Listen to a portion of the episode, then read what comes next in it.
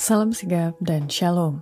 Renungan kita pada hari ini, Jumat 23 Februari 2024, berjudul Tuhan dan Guru.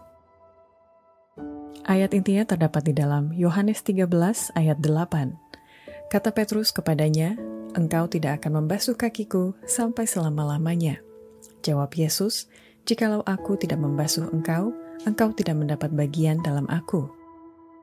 Pena Inspirasi menuliskan judul renungan kita pagi ini, Tuhan dan Guru, yang tidak lain dan tidak bukan adalah Yesus, nama di atas segala nama, agar supaya kita bisa mengalami pengalaman pribadi dan dapat memaknai dan merasakan sentuhan kasihnya, dan lebih memperkaya perjalanan hidup ini sampai kita kelak bisa bertemu dengan dia, muka dengan muka di surga.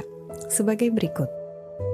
Pertama, oleh karena Yesus adalah Tuhan dan Guru, maka itu, ia menciptakan manusia dengan pikiran yang seimbang secara sempurna. Tuhan menjadikan manusia jujur pada mulanya.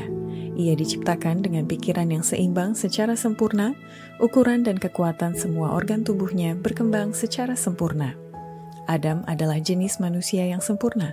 Setiap kualitas pikiran seimbang, Masing-masing mempunyai tugas tertentu yang jelas, namun satu sama lain saling bergantung untuk penggunaan yang tepat dan sepenuhnya dari setiap organ tubuh tersebut. Kedua, oleh karena Yesus adalah Tuhan dan Guru, maka itu ia memberikan kepada manusia kemampuan untuk terus-menerus mengembangkan diri agar boleh mencapai hampir sama dengan kesempurnaan malaikat.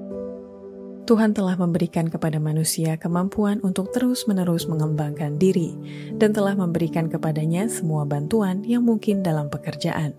Melalui pemberian dan penyediaan karunia ilahi, kita boleh mencapai hampir kesempurnaan malaikat-malaikat. Ketiga, oleh karena Yesus adalah Tuhan dan Guru, maka itu ia menghendaki agar umatnya mau melatih dan mendisiplin pikiran mereka.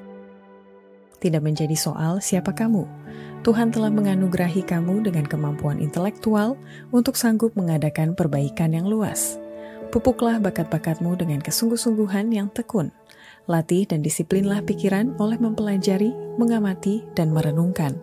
Kamu tidak dapat mengerti pikiran Allah kecuali kamu menggunakan seluruh kemampuan. Kemampuan mental akan dikuatkan dan dikembangkan jika kamu bekerja dengan takut akan Allah – dengan kerendahan hati, dan dengan doa yang sungguh-sungguh. Tujuan yang tegas akan menghasilkan keajaiban-keajaiban. Keempat, oleh karena Yesus adalah Tuhan dan Guru, maka itu ia berharap setiap orang percaya mengikuti terang yang telah diberikannya, karena dia sendiri yang akan menjadi penolong dan menguatkan. Tuhan telah memberikan kepadamu satu pekerjaan untuk dilakukan yang Dia tidak bermaksud melakukannya untukmu, engkau harus beranjak dari prinsip sesuai dengan hukum alam tanpa memperdulikan perasaan. Engkau harus mulai mengikuti terang yang telah diberikan Allah kepadamu. Mungkin engkau tidak bisa melakukan ini sekaligus, tetapi engkau dapat berbuat banyak oleh bergerak berangsur-angsur dalam iman, percaya bahwa Allah akan menjadi penolongmu, bahwa Ia akan menguatkan. Demikianlah renungan kita pada hari ini. Kiranya Tuhan memberkati kita semua.